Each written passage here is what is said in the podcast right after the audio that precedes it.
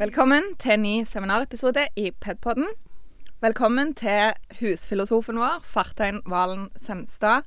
Eller Fartein Valen Skjenstad, sånn som Byas presenterte å skrive i artikkelen. Har du opplevd det før? Nei, Kluss ikke, kluss med etternavnet, men med det fornavnet Fartein, det har jeg opprettet mye rart. Så der er det mange varianter. Ja.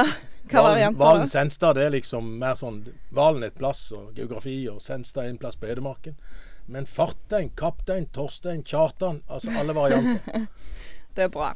Meg og Gunvald har jo snakket litt tidligere i podkasten om at vi opplever problemer med våre navn. Ja. Så du er ikke aleine. Det er godt alltid, det. Ja. Men for å lage en fin overgang her, så skal vi snakke om to menn med korte og litt mer presise navn. Vi skal snakke om Jesus og Sokrates. Og det føles ut som et stort fjell som skal bestiges, Gunvald. Ja, det føles ut som et ganske stort fjell, og Jesus og Sokrates de har jo lagt grunnlaget for to av de største vestlige Altså de største åndsimpulsene i våre samfunn, altså platonismen og kristendommen. Så det er jo ikke hvem som helst som vi skal snakke om i denne podkasten her. Nei. Men Nei. går det i det hele tatt an å sammenligne Jesus og Sokrates? Ja, jeg syns det er et godt spørsmål å stille, eh, fordi at ehm, Altså, de levde jo med 400 års forskjell. Sokrates han var født i år ca. 470 før Kristus. Og Jesus ble født, eller har blitt satt til år null, Mm. så det har blitt debattert i senere tid. Um, det går an å sammenligne de historiske personene, tenker jeg. Altså Jesus som historisk person og Sokrates som historisk person. Fordi vi finner ganske mange likhetstrekk, og det er de vi skal egentlig samtale her om nå i dag. Men så, så vil jo mange hevde at det går ikke an å sammenligne Jesus og Sokrates sånn i utgangspunktet. Um, ettersom Jesus er Guds sønn innenfor den kristne lære. Um, så dermed så på en måte strander en sånn sammenligning av Jesus og Sokrates ved det faktum at Jesus han er både Gud og menneske. Så derfor tenker jeg nå innledningsvis at det kan være lurt å på en måte bare presisere at, eh, at den sammenligningen som vi nå skal utføre, den baserer seg på de historiske kildene som vi har igjen etter Jesus og Sokrates. Og da ser vi på Bibelen som en sånn historisk kilde, altså hva, Mm. hva forteller Bibelen om de historiske hendelsene knytta til Jesu liv, og så ser vi på tekster knytta til Sokrates, f.eks. via Platon um, og to andre, Aristofanes og Xenofon. Ja, og så kan Mm. jeg jo spørre deg, Fartein. Mener du at det er mulig å sammenligne Jesus og Sokrates? Ja, Hvis man er klar over egenarten og forskjellen, så blir sammenligningen god. Mm. For hvis i det øyeblikket hvor man skal liksom putte de i samme bås, eller i samme båt, så, så er det overgrep. Ja. Men hvis man plasserer de, så er det mye som er spennende. Mm. Da får du, gir du de tid og respekt, og samtidig så, så får du en dialog mellom de, så å si. Og det syns jeg er alltid spennende. Ja. Men da foreslår jeg at vi legger opp dette seminaret ut ifra tre temaer. Eh, og da ser vi på eh, Jesus og Sokrates innenfor disse temaene.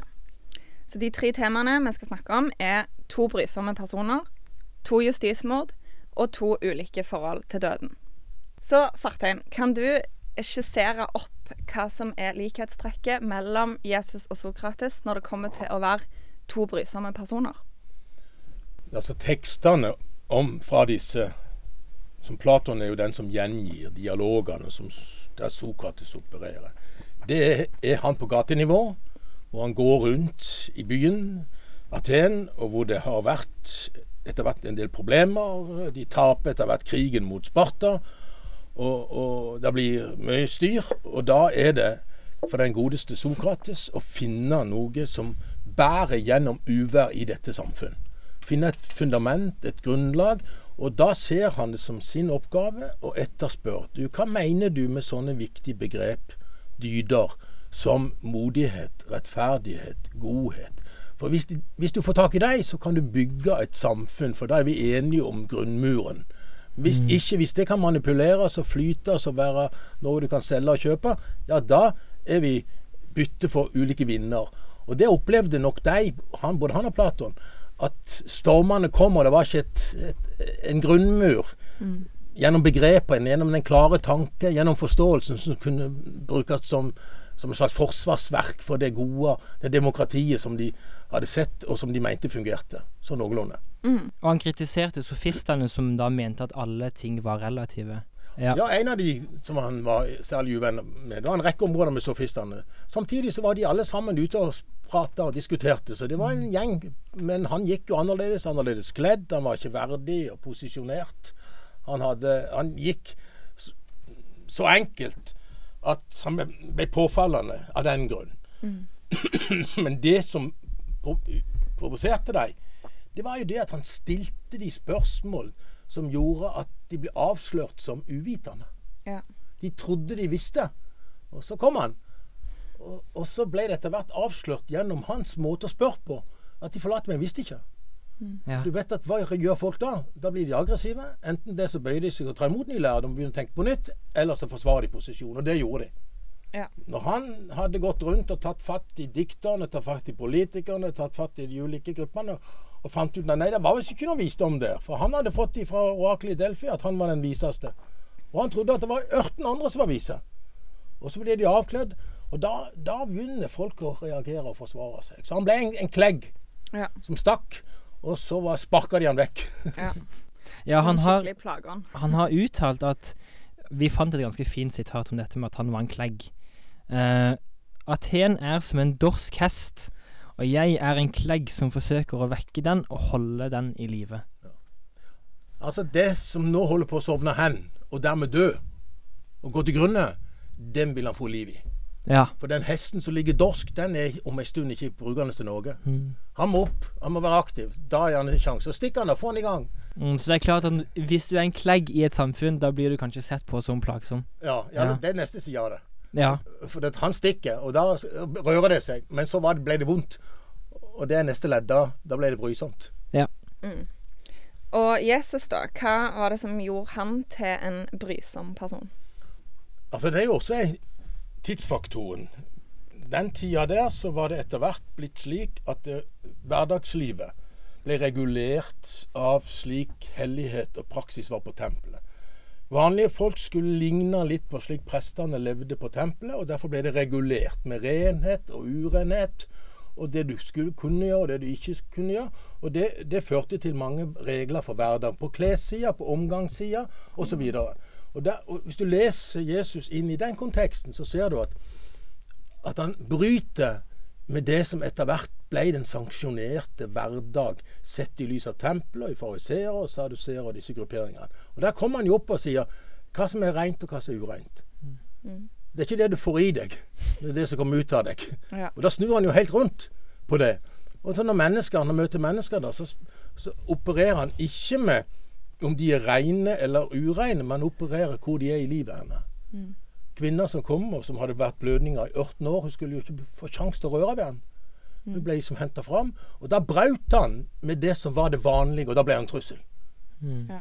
For hvis du bryter med det vanlige, enten det er på et bedehus eller i et fotballmiljø, eller det som er sanksjonert, sånn skal vi oppføre oss, så må de gjøre noe, og da skipper de som regel ut. Ja. Ok.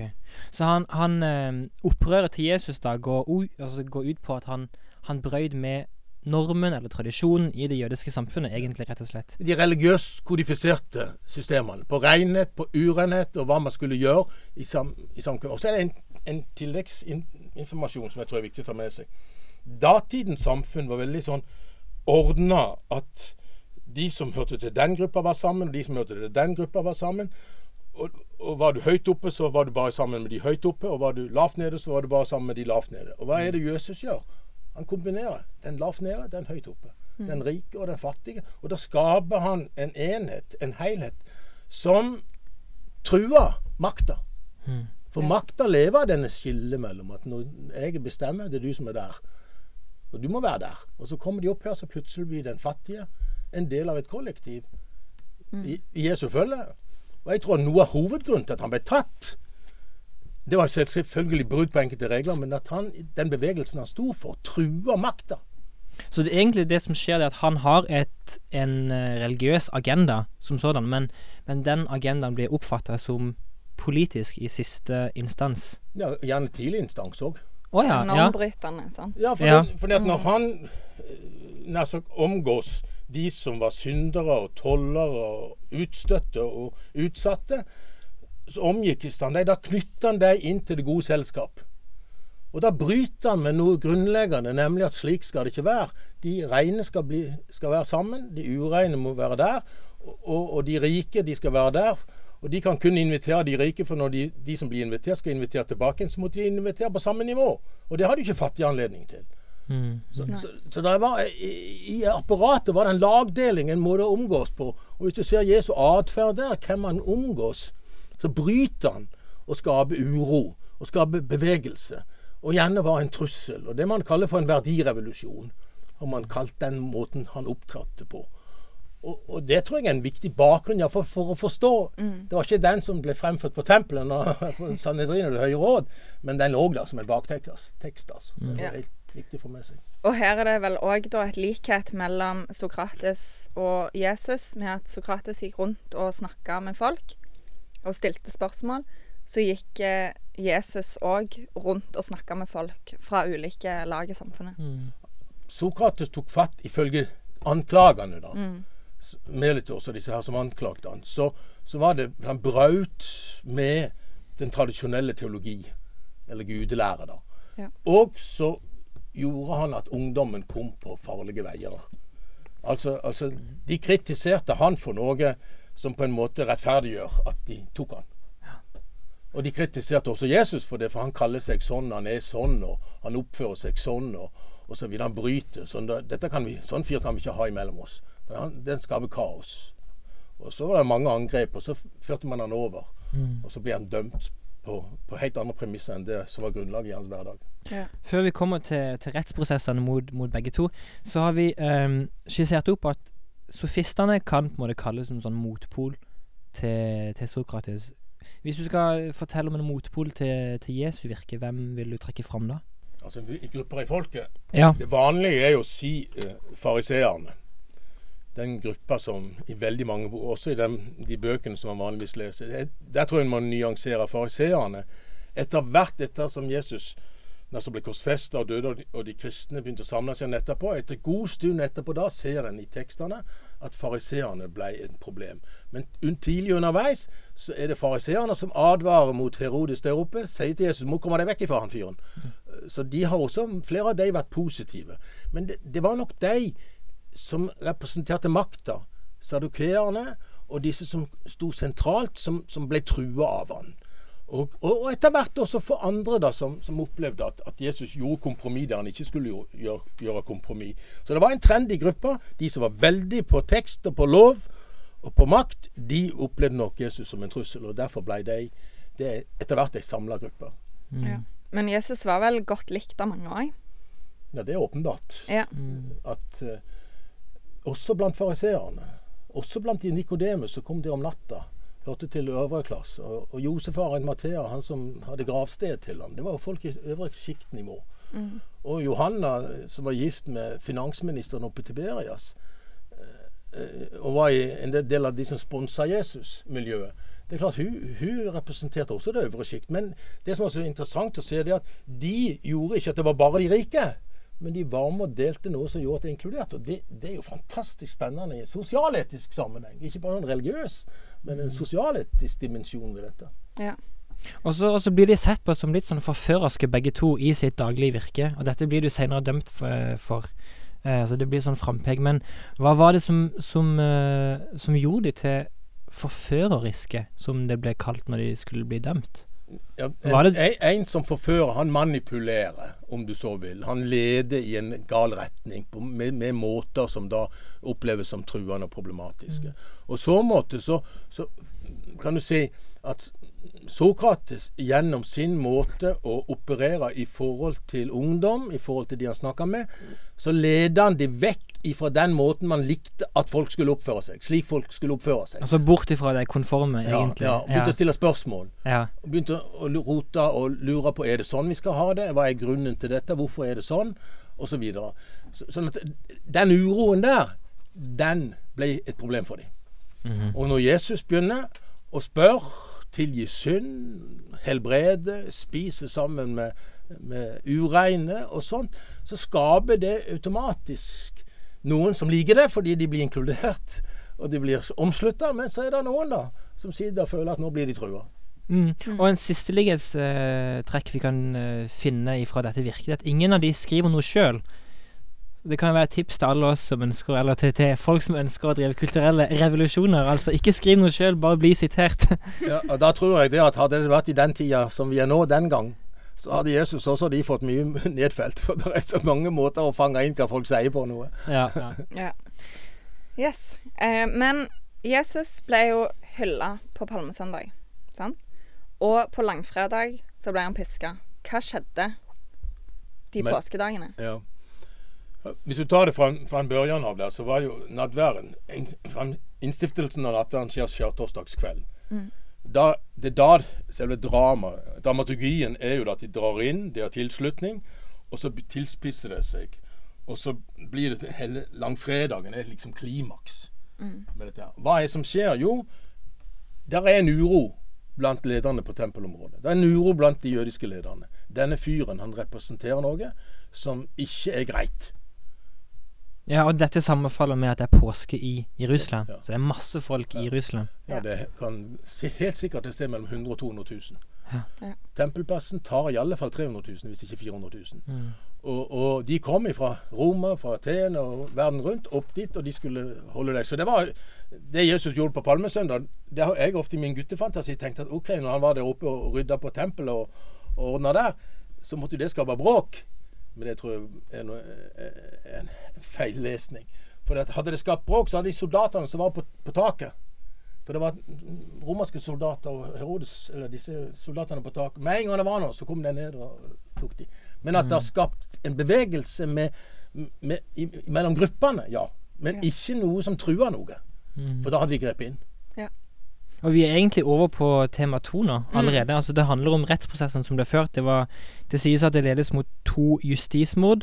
Vi vet at Sokrates han ble dømt i år 399 før vår tidsregning, og Jesus ble dømt rundt år 30 etter vår tidsregning.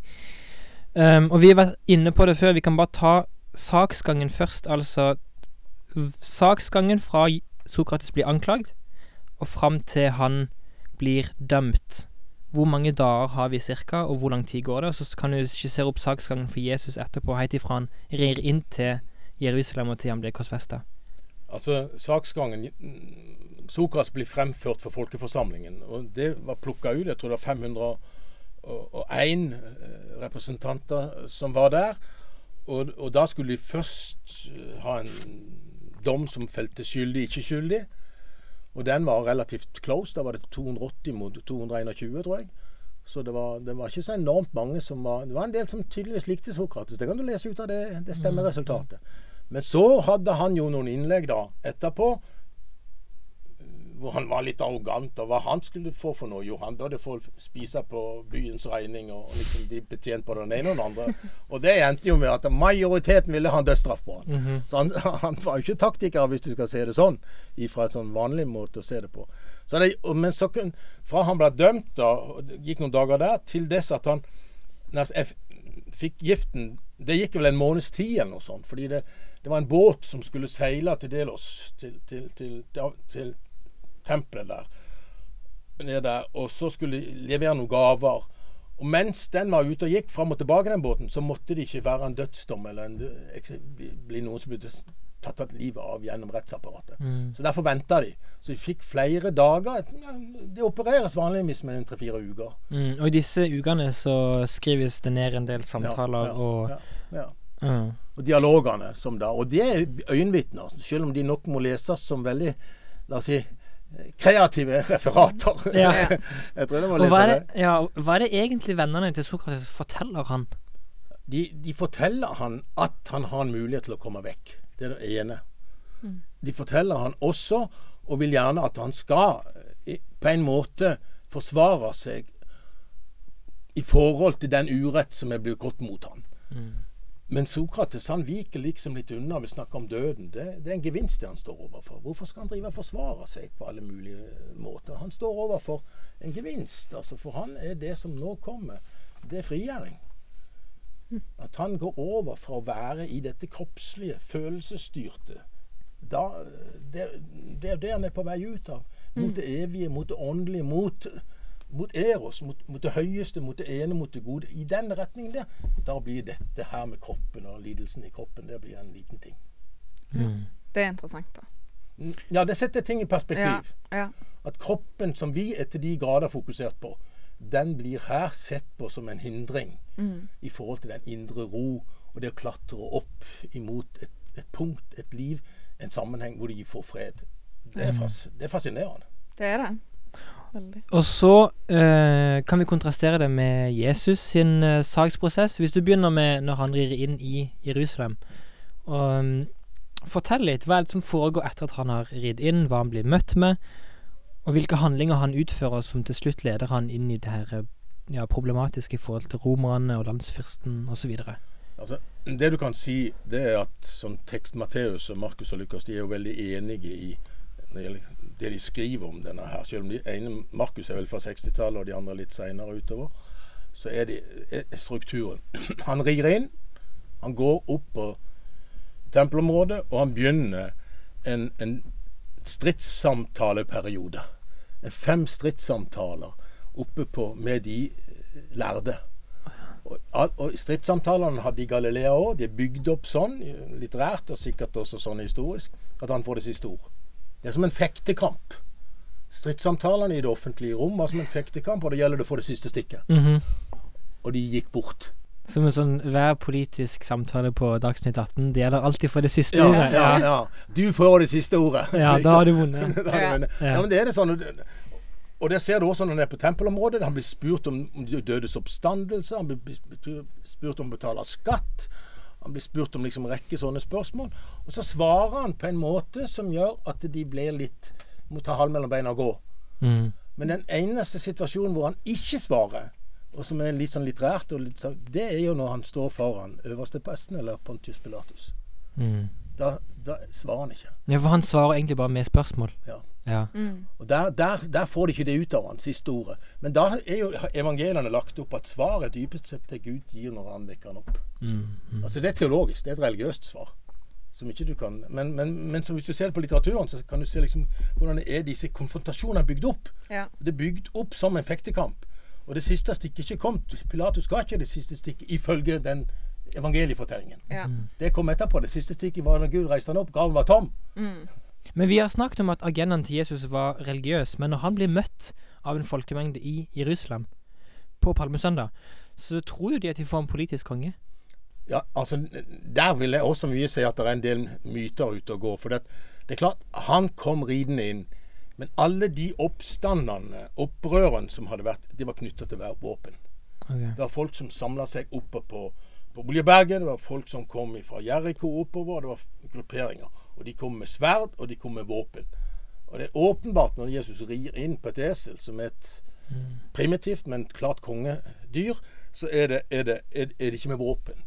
Og, da, og da blir det en, en messiasfigur som er litt annerledes enn den du forbinder med krig og våpen.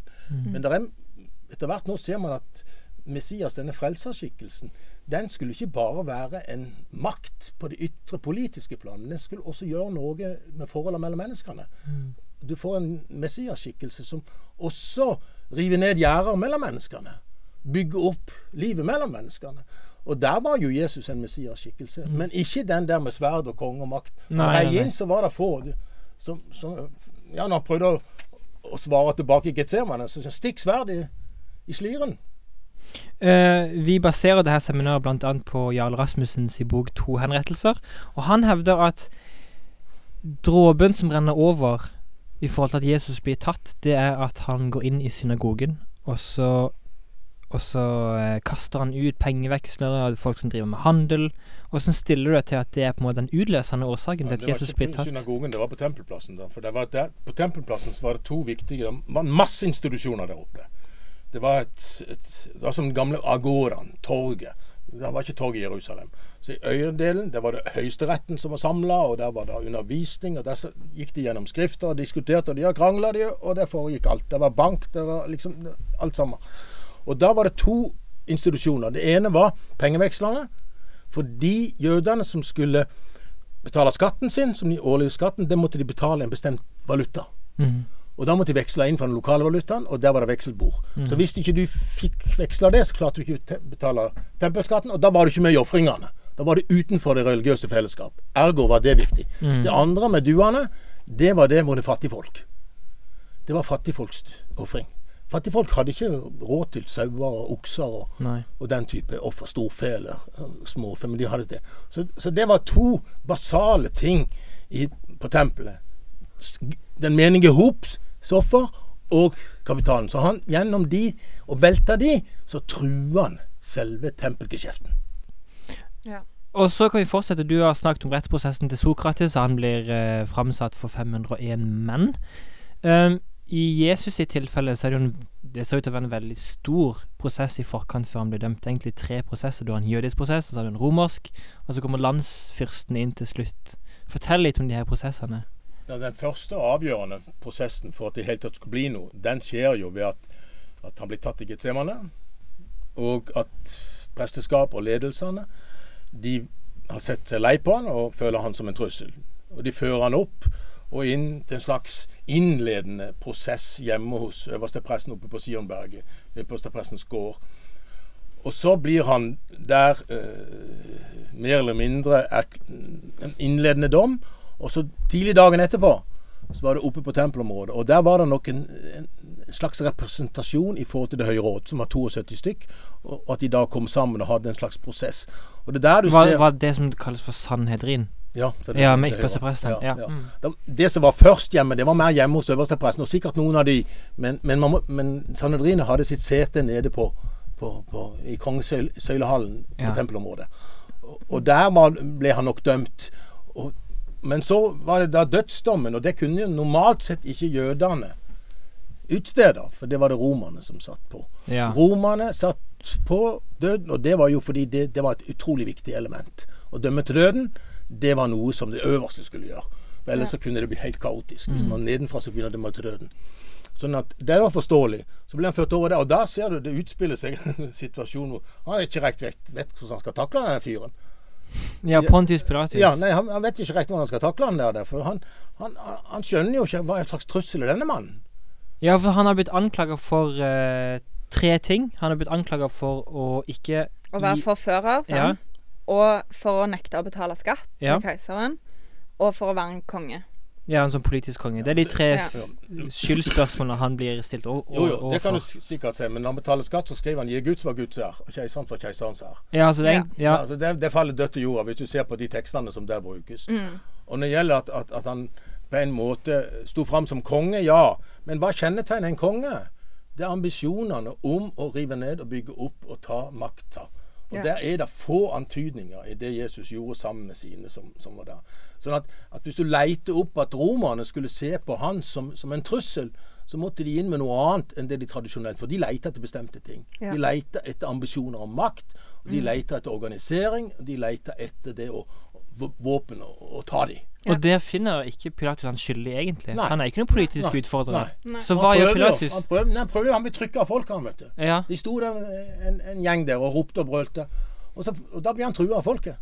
Og derfor så sender han han videre til Herodes, sånn som historien går. Ja, Det, er, det er en variant av det der. der. Men, men det er fordi han kom fra Galilea.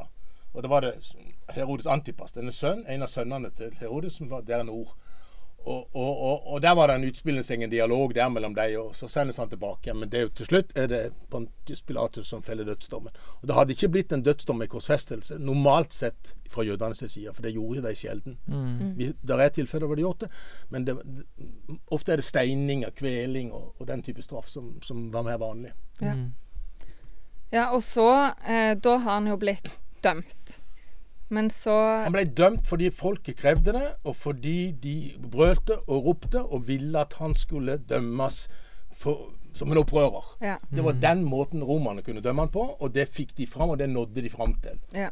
Og så, Og så ble han satt opp mot eh, Barabassan. ja, de velger Barabbas fri kontra Jesus, egentlig. Ja, fordi at det var, det var en tradisjon i påsken at folket kunne eh, slippe én av de dødsdømte fri. Det var, den, det var maktas tilbud. Ja. Det var makta som tilbud for oss å skape ro.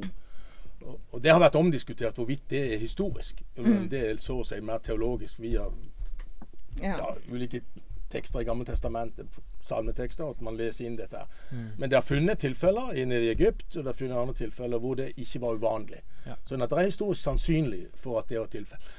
Men hva var denne Barabas, da? Og han I boka som vi begge har lest Jeg har jo guida han i Jerusalem, jeg. Oh, ja. Hatt han med meg og vist han både det ene, andre og tredje i Jerusalem. Så eh, jeg tror nok det at en må si at denne Barabas-skikkelsen blir jo sett på og lest i lys av, av politiske opprørsbevegelser. Og, og, men man veit nesten ingenting om han. Nei. Men det er sannsynlig at han har vært med i ikke nødvendigvis et noen kriminell, men mer en politisk revolusjonær akt. Og har- tatt av den grunn. Og da øh, å stille opp han som et alternativ Det er klart folk ville ha han fri. Mm. Fordi han har han jo slåss for deres rettigheter, da, kan man si. Mot romerne. Mot romerne. Ja. Mm, mm. Og dermed var, var han nok en, en som de lett Men samtidig kunne du si det motsatte. At han var jo en fare, da. For romerne ønska jo ikke å gi sånne fri. Og hvis han da fri og begynte igjen, så kunne de forsvi i neste runde ved at han vant tilhengere. Ja, ja. Så det var liksom tveegga. Men det målet var å få Jesus dømt. Og det er i fortellingene. Ja. Og det klarer du jo til syvende og sist, og så sier han Rasmussen at dette kan vi se på som justismord. Altså både i Sokrates sitt til, eh, tilfelle og i Jesus sitt tilfelle. Hva er det som gjør dette til justismord? I det første tilfellet så når det gjelder Sokrates, så er han dømt for to ting. Forførere av ungdommen, og for å nær sagt ikke akseptere de gamle gudelærerne. Og Men- det, det er ikke historisk holdbart, og dermed er det justismord.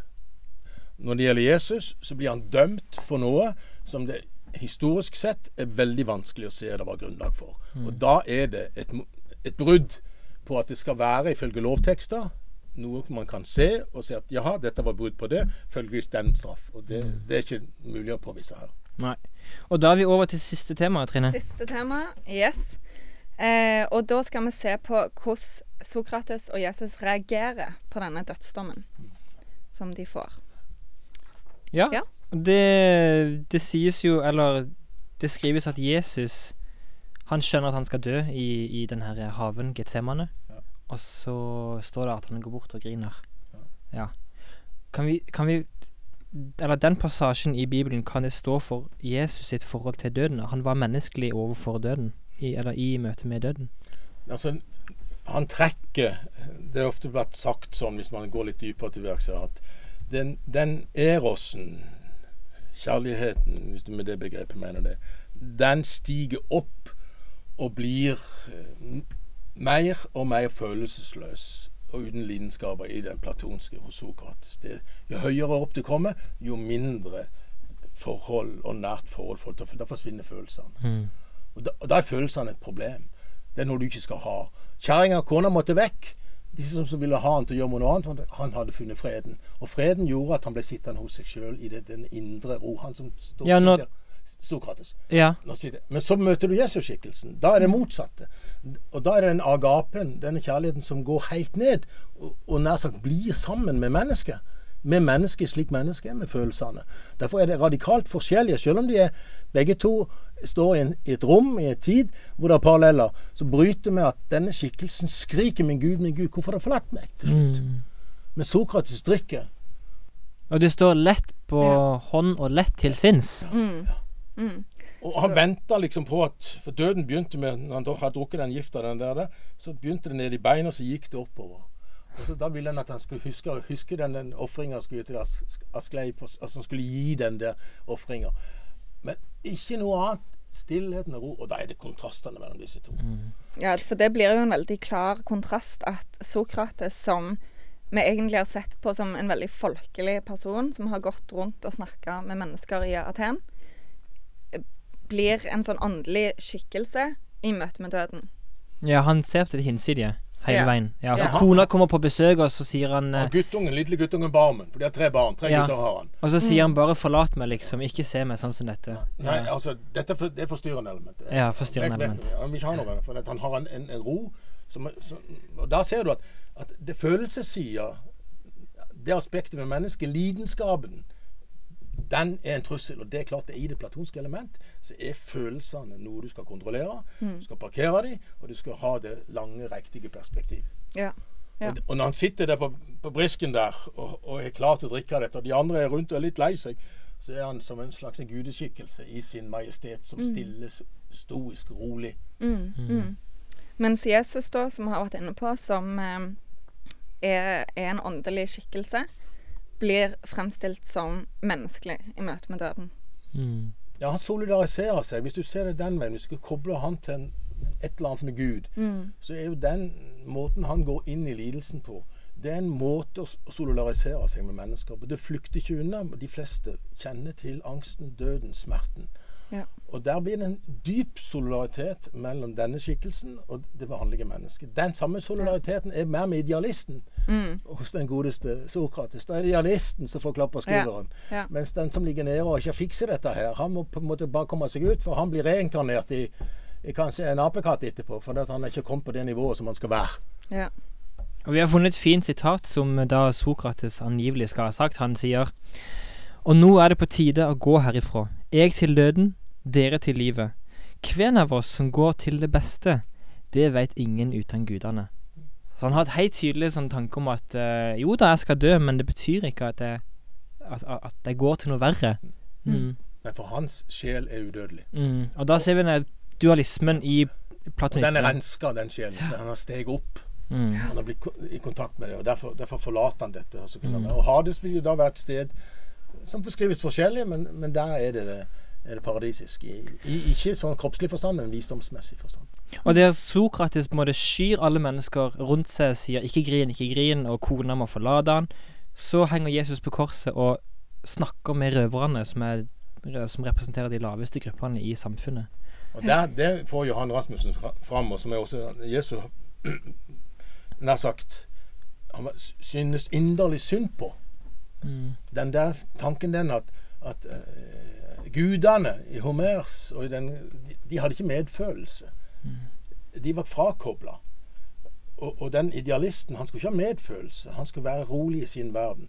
Og når Jesus dukker opp der, så er det tre-fire plasser det står at han hadde inderlig medfølelse. Det vil si at han helt fra bunnen av han sjøl oppstår det noe. Når kvinner kommer ut av byen, og sønnen er gravlagt, er død, og de skal gravlegge han, da er jo hele hennes framtid nær sagt nulla ut.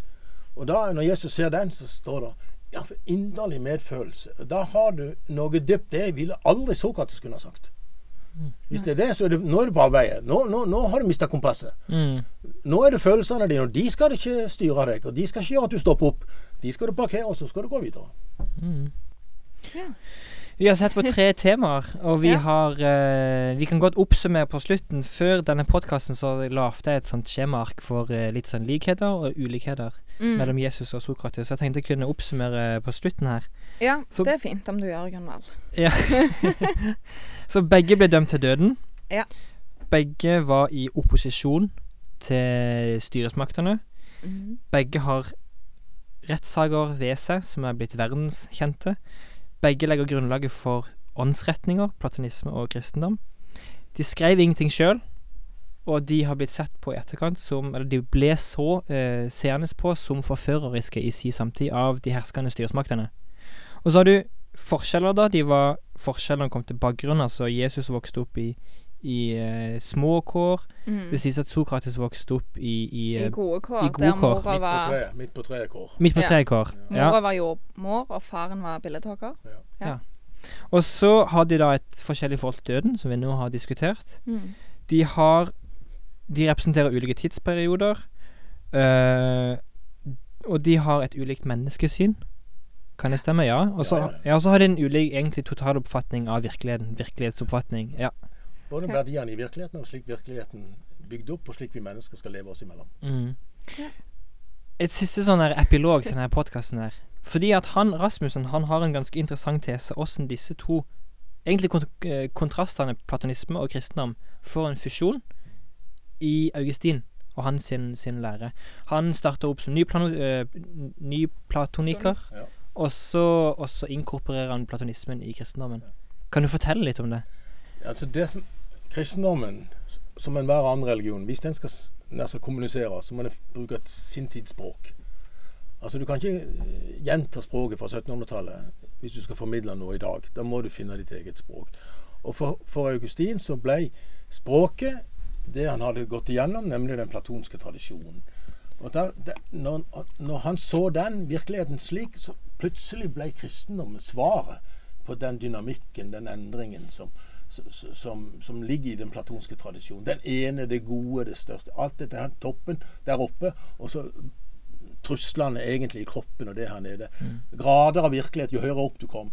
Deler av det, det, det, det fant han så å si bekrefta og utfolda i den kristne tradisjonen. Slik at, at, at, han hadde sitt La oss si du sier noe spennende, så bruker du fotballmetaforen til å fortelle hva som skjedde. Spenning, drama, pasninger og bevegelse. Da har du med deg noe inn så du, du, du leser det. Han kom til møte med kristendommen og hadde med seg den platonske tradisjonen. Og leser og tolker sentrale ting i den, i den sammenhengen, i lys av platonismen. Og, og, det som er det galne, i så fall du skal si noe, det er at alle på veldig mange punkter har han fått lov å være med og bestemme i lang, lang tid etterpå. Hvor platonismen ikke har den posisjonen. Nemlig at det evige åndelige er målet. For det evige åndelige, ifølge slik vi leser det nå, det er jo midt mellom mennesker. Når mm. Jesus går rundt Guds rike, hvor er den? Det er ikke der oppe eller langt borte, men det er midt mellom mennesker. Mm. Og det er der da, den Platonismen har vært med å føre kristendommen ut av verden, ikke inn i verden. Mm, mm. Hvordan å si det i lys av den boka? Ja, i lys av Han Rasmussen sin ja, tese. Ja. Mm. Ja, da ja, Vi er jo egentlig med veis ende nå. Det ja. har vært veldig interessant. jeg føler jeg har lært mye. Jeg føler jeg har bare sittet og sugd til meg kunnskap. Men det var veldig kjekt. Takk for at du ville komme igjen. Artig dette her. Ja. Vi, må ha, vi, må ha, sånne drypp av og til. Ja, vi må det. Vi lærer, vi lærer. Og... Ja, det er, um... det er veldig bra. Så da tror jeg bare vi sier takk for oss. Eh, takk til Fartein. Og eh, du finner oss som vanlig på eh, Soundcloud, Podbean og iTunes.